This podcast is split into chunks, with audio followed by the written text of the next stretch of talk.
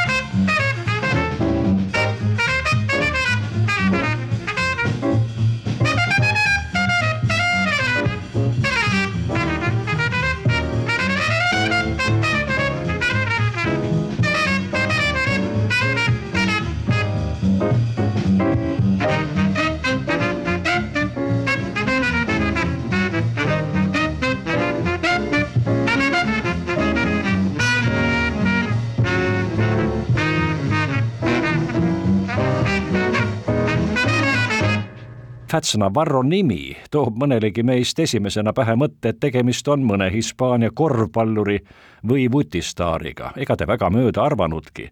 Florida Key Westis sündinud Theodore Fats Navarro esivanemate hulgas oli lisaks neegritele ja hiinlastele ka hispaanlasi. musikaalsesse perekonda sündinud Navarro rääkis inglise keele kõrval vabalt ka hispaania keelt poisi esimeseks pilliks oli klaver, mida Theodor sõrmitses päris tõhusalt juba seitsmesena. esimest korda mängis ta laval hoopis tenoorsaksofoni, mida ka hiljem ei unustanud. Miami's lõi ta vähekest aega kaasa Walter Johnsoni ansamblis, ometi sai võitu huvi trompetimängu vastu. peagi oli selge, et tegemist on suure talendiga. teda julgustas ja veidi ka juhendas Theodori hea sõber Al Dreers, kes arenes rahvusvaheliselt tuntud trummariks. piisab, kui mainida Thelonious Monki, kelle ansamblites Dreers mängis. Navarrost sai peagi tantsuorkestrite pillimees, mis andeka trompetimängija viis paljudesse Kesk-Lääne linnadesse. toona olid kõigi trompetistide eeskujudeks Roy Eldridge ning Dizzy Gillespie. Navarro esimestes orkestrites mängisid lisaks temale mõnedki tulevused maailmastaarid. võtame või kontrabassimängija Ray Brown, kel oli au asutada džässiajaloo üht mõjukamat kollektiivi Modern Jazz Quartet. kuid vähe sellest, Brownita on raske ette kujutada Ella Fitzgeraldi ning Oscar Petersoni saateansambleid võite selles kas või täna veenduda, kui levi ja džässmuusika tööpäevaringselt edestavaisse telekanalitesse või Youtube'i sisenete. järgmine pala, see, mida mullu suvel tegime, on lindistatud aastal tuhat üheksasada nelikümmend üheksa New Yorgi Carnegie Hallis toimunud avalikul kontserdil. lisaks Fats Navarrole ja Ray Brownile mängib tenor saksofoni Coleman Hawkins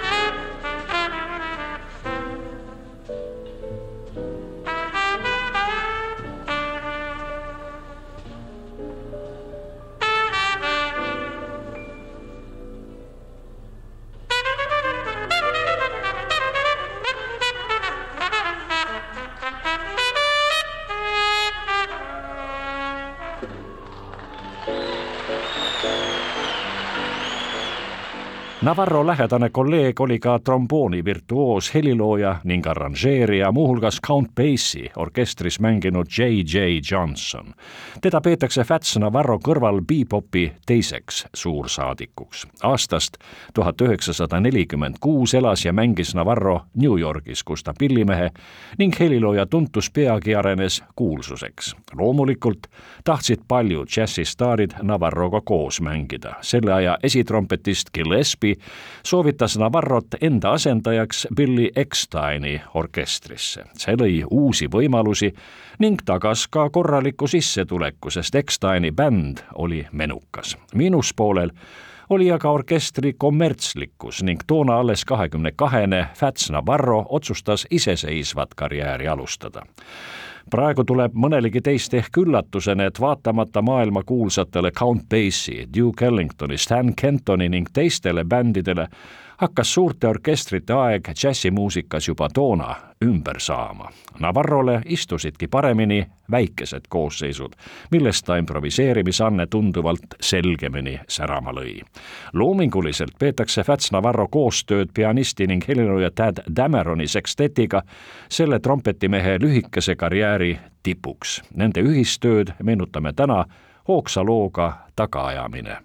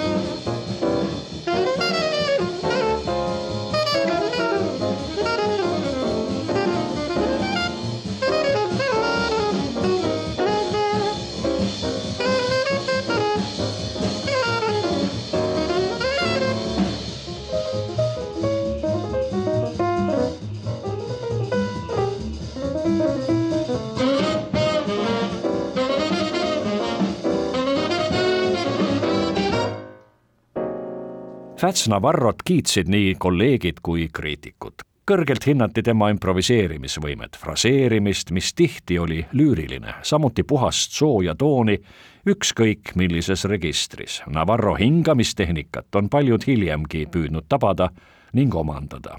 aastal tuhat üheksasada nelikümmend kaheksa omistati Navarrole väärikas auhind, mis selgitati välja kuulaja küsitluse tulemusel. paraku algasid toona probleemid Fats Navarro tervisega. muide, oma hüüdnime Paksuke sai ta nii-öelda tänu oma mehisele söögiisule, mis Navarro kehakaalu tõstis ohtlikule tasemele. lisaks kannatas ta tuberkuloosi tõttu, mille ravile ei tulnud põrmugi kasuks üha suurenev heroiinisõltuvus. see tõi mitmeid lisapingeid ta äsja tütre võrra suurenenud perekonnale Fats Navarro viimseks lavaesinemiseks peetakse kontserti New Yorgi kuulsas džässiklubis Birdland koos Charlie Parkeri kvintetiga. kuulete ülesvõtet sellelt mais tuhat üheksasada viiskümmend toimunud kontserdilt. Navarrol jäi tol õhtul elada vaid poolteist kuud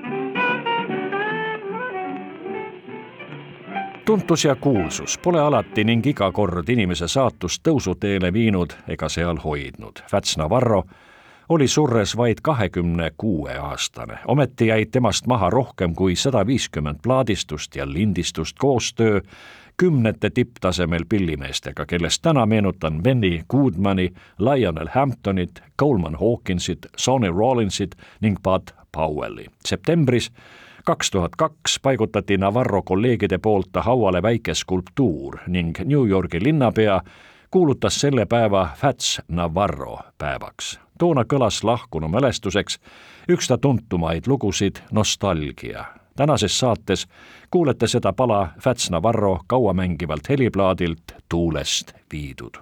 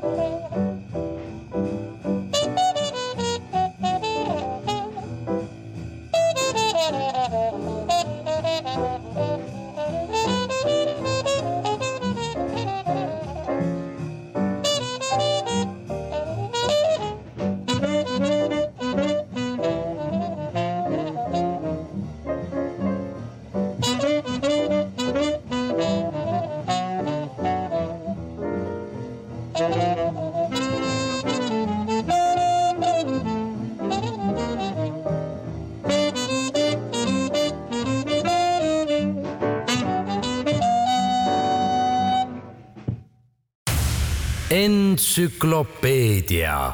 stuudios on Enn Eesmaa. Fats Navarro oli eeskujuks paljudele džässimuusikutele, ennekõike loomulikult trompetistidele Neist esimesena tuleb meelde Clifford Brown, kes oli ka andekas helilooja. aastal tuhat üheksasada viiskümmend neli tunnistasid džässikriitikud Browni selle aasta täheks.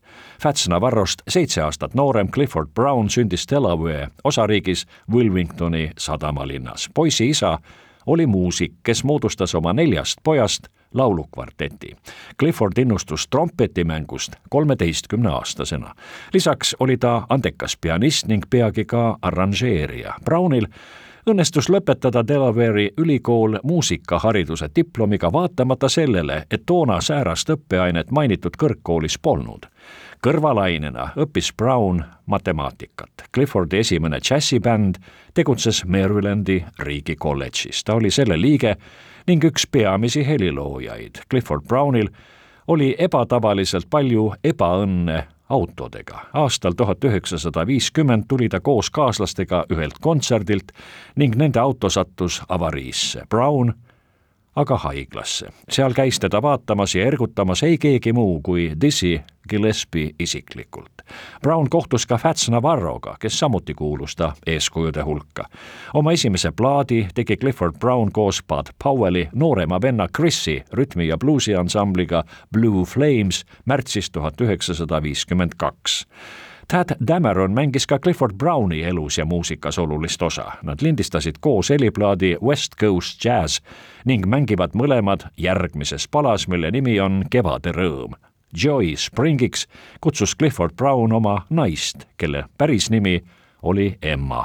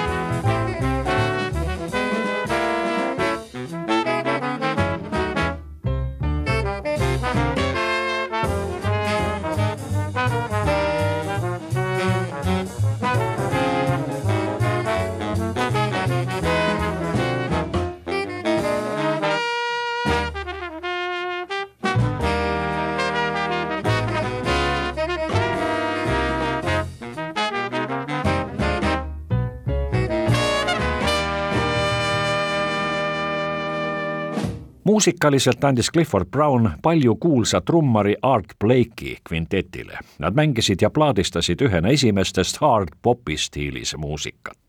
Aastal tuhat üheksasada viiskümmend neli esinesid nad New Yorgi klubis Birdland ning seda õhtut jääb igavesti meenutama kauamängiv heliplaat Õhtu Birdlandis, mis sisuliselt on kontserdi otselindistus.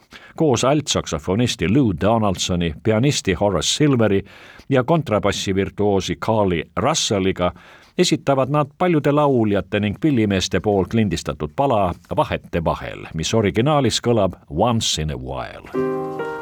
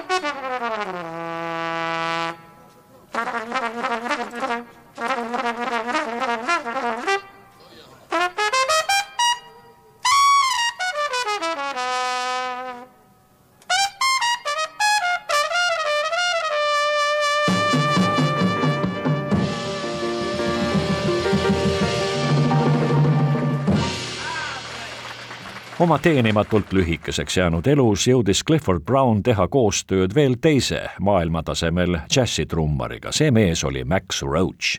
ühe nädala jagu esines Brown Harlemi klubis koos Charlie Parkeriga kuuldavasti olevat Parker Browni mängu kohta öelnud, et see oli uskumatu. enne koostööd Max Roachiga andis Clifford Brown intervjuu ajakirjale Downbeat, mis kuulutas, et Clifford Brown on uus Dizzy Gillespie. Max Roachi ja Clifford Browni kvintetis mängisid lisaks neile veel pianist Richie Powell, bassimees George Morrow ning tenorsaksofonist Harold Land, keda hiljem asendas noor Sonny Rollins uus koosseis kasutas loominguliselt ära ka Browni pianisti ning trummari oskused, mis andis võimalusi eksperimenteerimiseks.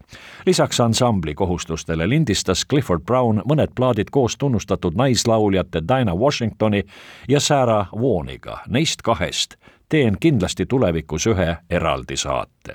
siinkohal meenutus koostööst Dinah Washingtoniga.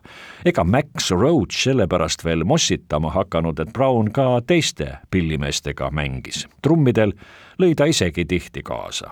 ühel kontserdil lindistatud loo ja laulu nimi on No More. laulusolist on Dinah Washington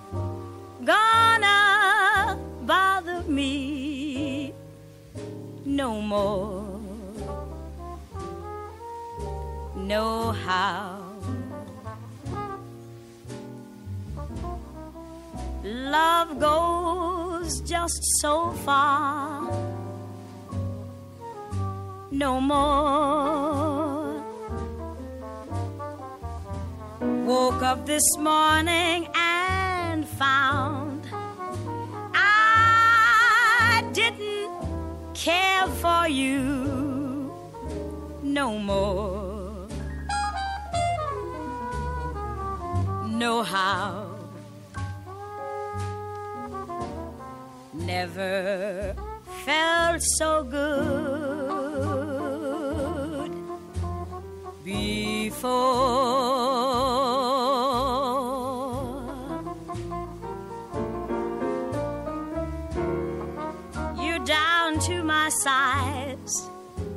over and done.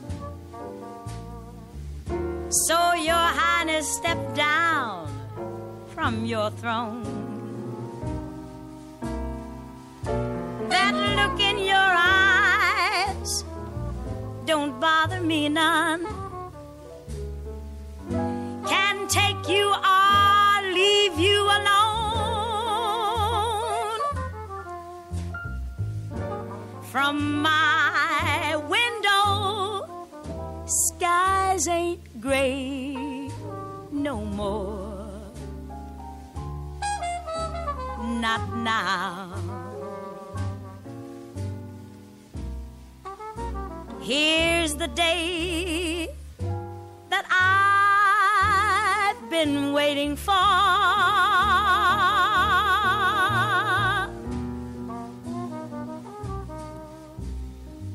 got only one heart, one heart with no spares. Must save it for loving somebody who cares. So you ain't gonna bother me no more.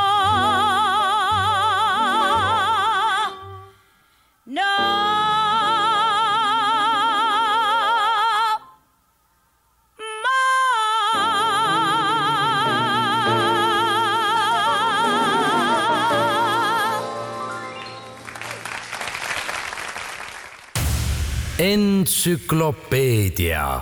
stuudios on Enn Eesmaa eeskujulikult kainet eluviisi harrastanud Clifford Brown tõestas, et muusikas võib paljugi saavutada ka ilma ergutite ning uimastiteta. temaga koos mänginud Sonny Rollins on tunnistanud, et tänu Brownile suutis ta lahti saada oma heroiinisõltuvusest. paraku võtab surm sageli ülekohtuselt vara ka neid, kes selleks ise kohe mitte kuidagi põhjust ei anna. alles kahekümne viie aastane Clifford Brown hakkas koos Richie Powelliga ühel juunikuu päeval tuhat üheksasada viiskümmend kuus sõitma järjekordsele kontserdile Chicagos. Powelli naine Nancy andis meestele võimaluse pikal teekonnal silm looja lasta ning istus ise rooli taha.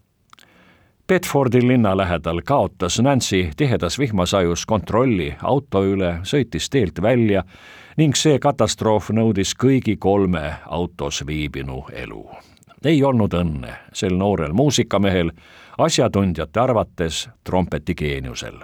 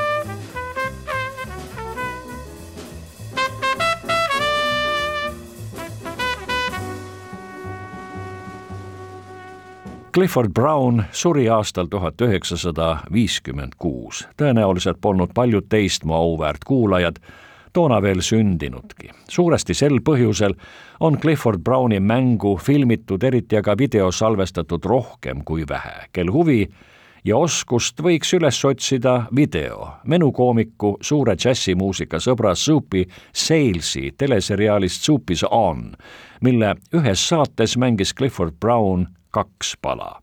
Fats Navarro ja Clifford Browni muusikastiili on hiljem kasutanud ja edasi arendanud mitmed talendikad trompetistid, olgu siinkohal meenutatud Benny Bailey, Lee Morgani, Freddie Hubbardi, Woody Shaw ning Roy Hargrove'i nime ja mainet. minu andmetel aga lööb jõudumööda veel tänagi kaasa kaua Stan Kentoniga edukalt koos mänginud Sam Noto saate lõpulooks valisin sõprade seltsiks Browniks kutsutud Clifford Browni kirjutatud pala Sandu. see on pärit heliplaadilt Reflections of Browni, mille andis kaheksa aasta eest välja Clifford Browni onupoeg, tunnustatud džässitrummar Rayford Griffin. lisaks temale kuulete üht trompetit mängimas Browni lapselast Clifford Benjamin Brown kolmandat, mis tõestab vaid seda, et väärt seeme kannab mitte just iga kord, mõnikord aga ometi head vilja. head kuulamist ja kuulmiseni nädala pärast